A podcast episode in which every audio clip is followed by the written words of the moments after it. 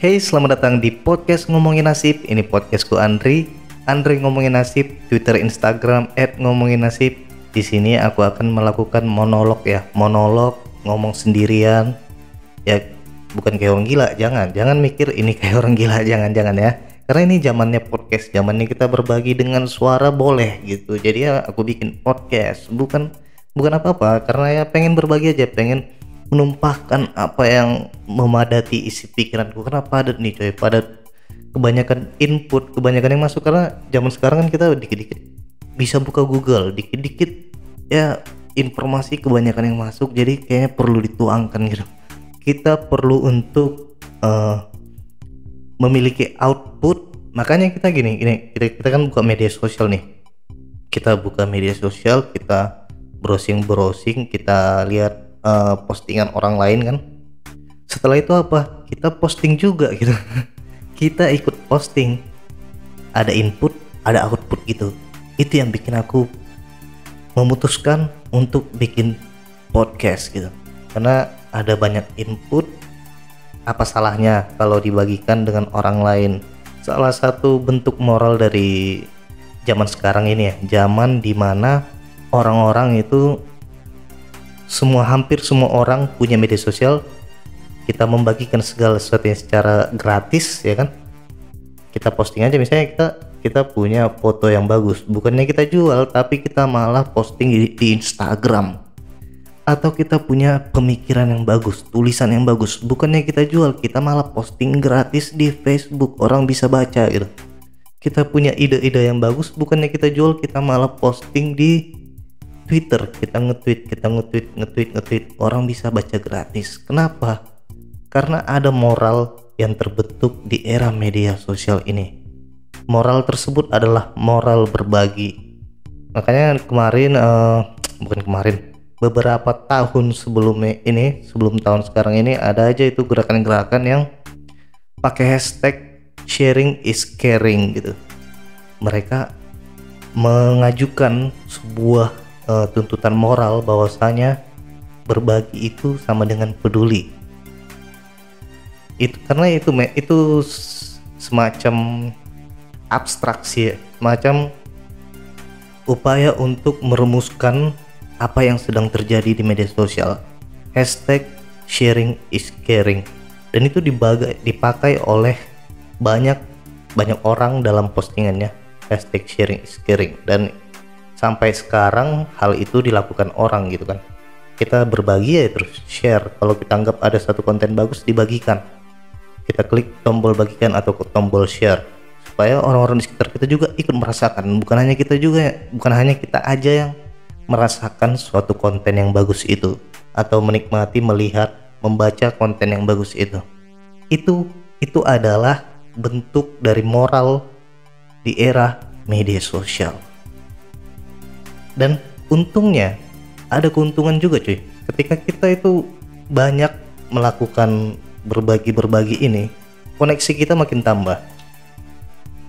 Kalau misalnya konten kita bagus kemungkinan follower kita nambah subscriber kita nambah. Akhirnya apa? Akhirnya kita bisa menjadikannya sebagai sebuah komoditas. Kita bisa menjadikan uh, konten yang suka berbagi itu menjadi sebuah komoditas berupa papan iklan. Maksudnya gini. Jadi, media sosial kita itu selain berperan sebagai media ekspresi, media kita mengeluarkan, mengeluarkan output seperti yang gue bilang tadi kan. Kita ngeluarin, ngeluarin output. Media sosial kita itu juga bisa menjadi semacam papan iklan. Kalau kita jalan gitu jalan, misalnya di jalan raya kan, kita jalan di sekitar kita kan ada tuh papan iklan. Di situ tertulis apa rumah murah atau minum jus setiap hari gitu, gitu kan. Kalau bulan Ramadan kita lihat itu gambar-gambar ketupat terus jual sirup gitu kan. Itu kan banyak banyak tuh di di papan-papan iklan. Nah media sosial kita itu bisa berperan seperti papan iklan itu. Jadi syaratnya papan iklan itu kan dia harus dilihat oleh banyak orang, disaksikan oleh banyak orang. Makanya ketika media sosialmu sudah memiliki banyak follower atau memiliki banyak subscriber, nggak kayak ngomongin nasib ya.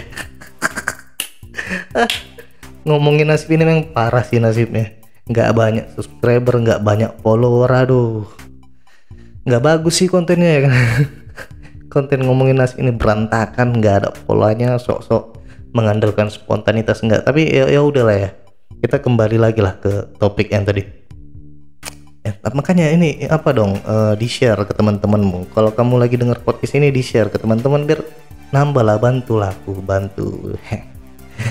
Jadi kembali ke masalah ini tadi. Apa namanya uh, sampai mana tadi? Uh, masalah papan iklan jadi ketika kita sudah memenuhi syarat sebagai papan iklan, kita udah punya banyak uh, follower, kita udah punya banyak subscriber, atau seperti podcast misalnya, kita sudah punya banyak pen pendengar, kita bisa menjadikan papan iklan ini sebagai ruang kosong yang bisa diisi oleh produk-produk orang lain gitu. Itu sih sebenarnya uh, penggunaan media sosial di era sekarang di mana para marketer, para orang-orang yang melakukan aktivitas marketing, penjualan, pemasaran gitu. Mereka senang aja berbagi di konten media sosial mereka dengan harapan bisa menjadi uh, menjadi titik yang disaksikan oleh banyak orang sehingga dia bisa menjualnya sebagai papan iklan. Akhirnya dia mempromosikan sesuatu mempromosikan suatu produk gitu. Kan sering tuh apa istilahnya endorse ah endorse ya kan? Atau uh, promosi langsung besar-besaran gitu dia dia menjadi direkrut menjadi pekerja lepas di suatu uh, apa namanya produksi gitu untuk menjadi marketing dalam suatu event misalnya Nah, kayak kayak gitu. Itu salah satu manfaat dari uh, kelanjutan moral sharing is caring tadi, berbagi. Jadi media sosial itu awalnya membentuk moral berbagi lalu kemudian berubah menjadi papan iklan dan sekarang ada lagi bentuk baru yang kayaknya ini untuk beberapa tahun ke depan akan menjadi sangat penting yang mana media sosial itu bisa menjadi papan iklan untuk diri kita sendiri. Jadi tadi kan papan iklannya sempat dipakai sebagai uh, papan iklan bagi produk lain.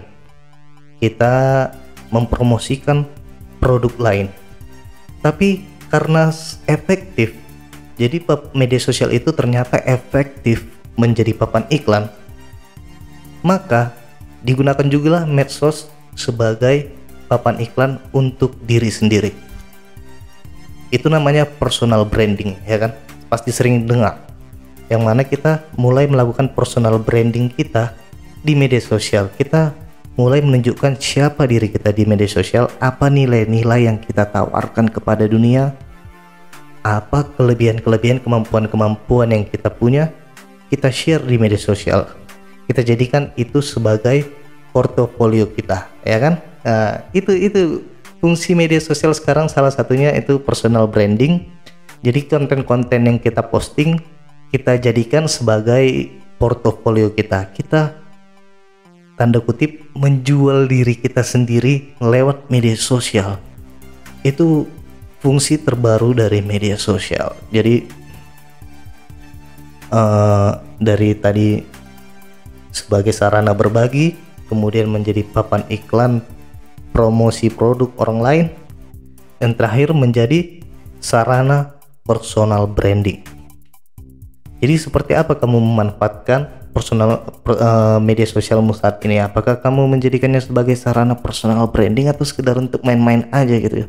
Itu kayaknya perlu kita refleksikan sekarang. Apalagi ini kita itu udah memasuki masa di mana kita benar-benar tergantung pada informasi di internet terlebih lagi karena pandemi COVID-19 kan kita harus bekerja dari rumah work from home kita juga di ini terancam karyawan terancam di PHK nasibnya pokoknya serba krisis lah nggak hanya krisis kesehatan tapi juga krisis ekonomi kan gitu bagaimana kita bisa bertahan di tengah pandemi ini kita cenderung mengandalkan hal-hal yang ada di internet.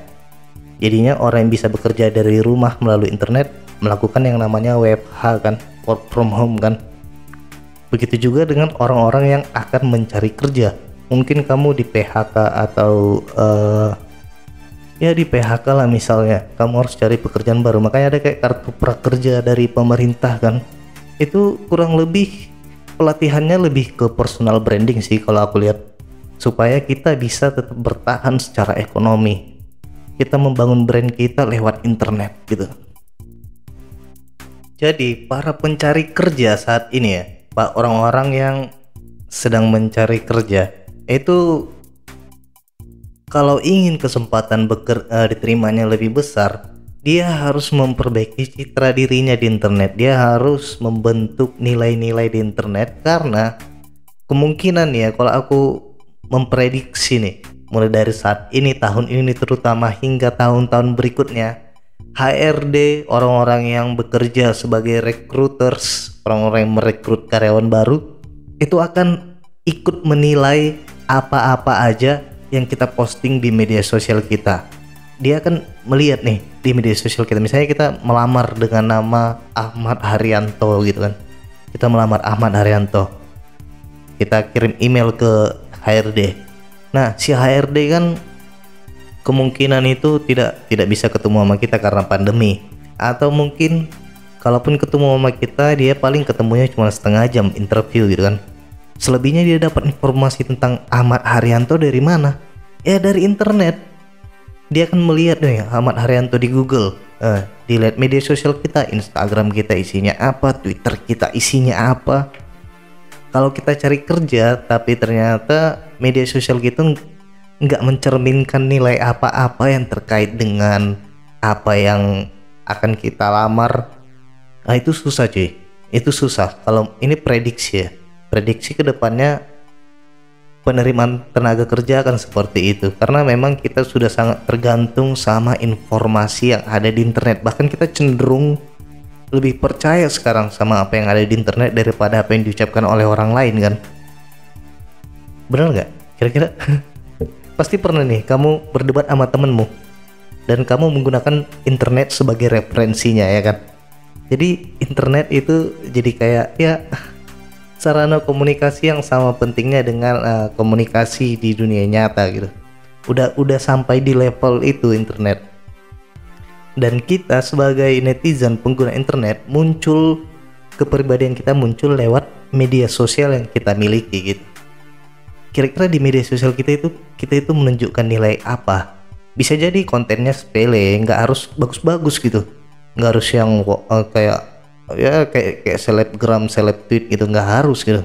Tapi yang pasti sudah mencerminkan kita itu siapa di situ. Karena uh, kalau uh, perekrutan kerja biasanya itu nggak terlalu mikirin soal kapasitas tapi lebih ke psikologisnya gitu.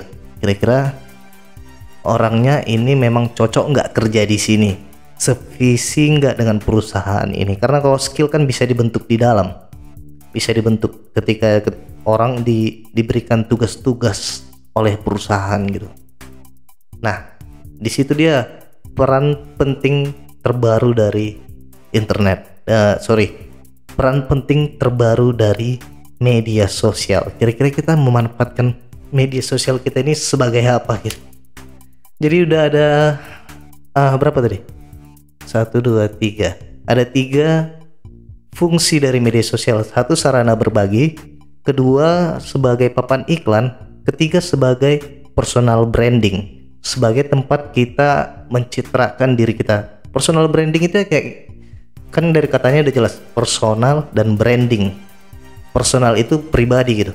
Kalau branding itu merek. Uh, ya merek lah. Brand logo gitu.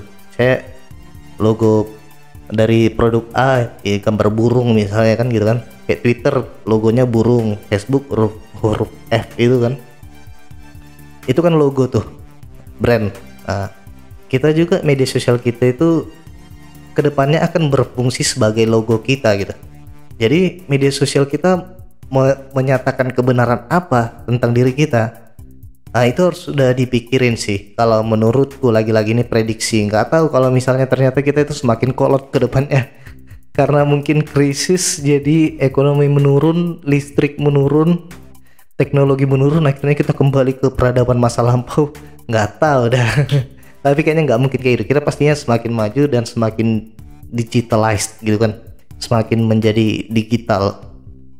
Jadi ya personal branding itu fungsi terbaru media sosial. Nah setelah ada tiga tadi ini ada juga yang keempat yang muncul seiring waktu yaitu big data Ush, ini paling bahaya sih ini. Ini fungsi media sosial yang cukup bahaya karena ini bisa membuat seseorang menjadi presiden. Fungsi yang keempat ini. Ini bisa membuat seseorang menjadi jutawan. Eh, jangan kan jutawan, miliarder, kaya raya. Ini bisa membuat seseorang menjadi uh, peneliti yang bergaji sangat tinggi atau menjadi orang yang bisa meramalkan sesuatu hingga beberapa tahun ke depan. Misalnya ada pemilu dia bisa dia bisa meramalkan siapa yang akan menjadi pemenang pemilu ini nantinya. Yaitu orang-orang yang menguasai big data alias data besar. Wih, ini kalau perusahaan-perusahaan teknologi startup pasti punya orang yang ahli di bidang ini big data. Jadi di sini data-data orang, para pengguna media sosial, kita selama kita melakukan aktivitas seperti sarana berbagi, ketika kita melakukan aktivitas sebagai papan iklan, apakah kita sebagai pengiklan atau sebagai orang yang melihat iklan, pastinya kita terlibat dalam uh, simulacrum istilahnya, apa ya? Dalam fenomena papan iklan itu, baik sebagai objek maupun subjek gitu dan setelah itu kita juga menjadi orang yang personal branding. Kita bisa jadi sadar nggak sadar sudah membagikan nilai diri kita lewat media sosial kita. Kita sudah mempromosikan diri kita secara nggak sadar gitu. Keinginan kita berbagi tapi sebenarnya kita nggak sadar kita udah membentuk personal branding di media sosial kita. Ya kalau udah kayak gitu ya nggak apa-apa udah bagus gitu. Artinya kita udah siap untuk menjalani masa depan dunia di mana semuanya serba digital.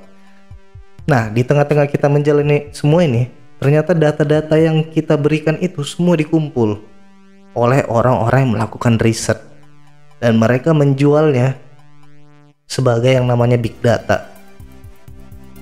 Jadi dari situ bisa dipetakan orang Indonesia itu kayak gimana, mayoritasnya gimana. Kira-kira yang bisa menang di Indonesia itu presiden yang gimana. Hal-hal kayak gini yang bisa membuat Donald Trump menang. Dia memetakan uh, karakter manusia-manusia di Amerika melewati lewat Facebook atau hal kayak gini juga yang bisa membuat uh, kayak uh, Jokowi atau Obama misalnya dulu di Twitter mereka berhasil uh, membentuk membentuk kumpulan-kumpulan uh, orang yang pro sama mereka. Kalau mereka nggak melakukan riset terhadap apa-apa aja yang ada di media sosial itu nggak akan mungkin terjadi, cuy. Ya jadinya ya kayak cara lama gitu. Kalau di cara lama kan kita kalau mau menang politik ya tinggal ini kan. Kita orang nggak peduli sama kita tapi kita ngasih duit ya kan. Mau gimana pun kita yang penting duit kita lancar udah menang aja udah kan gitu. Kalau itu zaman sebelum media sosial jarang orang memperhatikan sepak terjang ataupun brand yang ditampilkan di konsep secara khusus jarang gitu. Yang penting dia orang kuat orang kaya udah menang aja lah dia itu. Atau dia punya banyak pengikut dia bos di perusahaan A perusahaan B atau dia punya koneksi dengan dengan uh, orang besar ya udah kemungkinannya dia dia yang menang gitu. Tapi kalau sekarang personal branding si si politikus misalnya itu dibentuk dari data big data tadi. Nggak lepas dari sana gitu dari fungsi keempat dari media sosial yaitu sumber big data. Ini sumber yang dimanfaatkan oleh orang-orang yang ingin memenangkan sesuatu. Baik itu di politik, di bisnis, maupun di hal-hal yang pokoknya melibatkan sosial, melibatkan banyak orang. Ini fungsi keempat dari media sosial. Jadi setidaknya ada empat fungsi dari media sosial yang bisa kita dapatkan dalam 20 menit ini yang pertama, sarana berbagi. Kedua, papan iklan. Ketiga, personal branding. Dan yang keempat adalah big data. Kamu sendiri sudah memanfaatkan media sosial sejauh mana? Sampai jumpa di podcast ngomongin nasib berikutnya.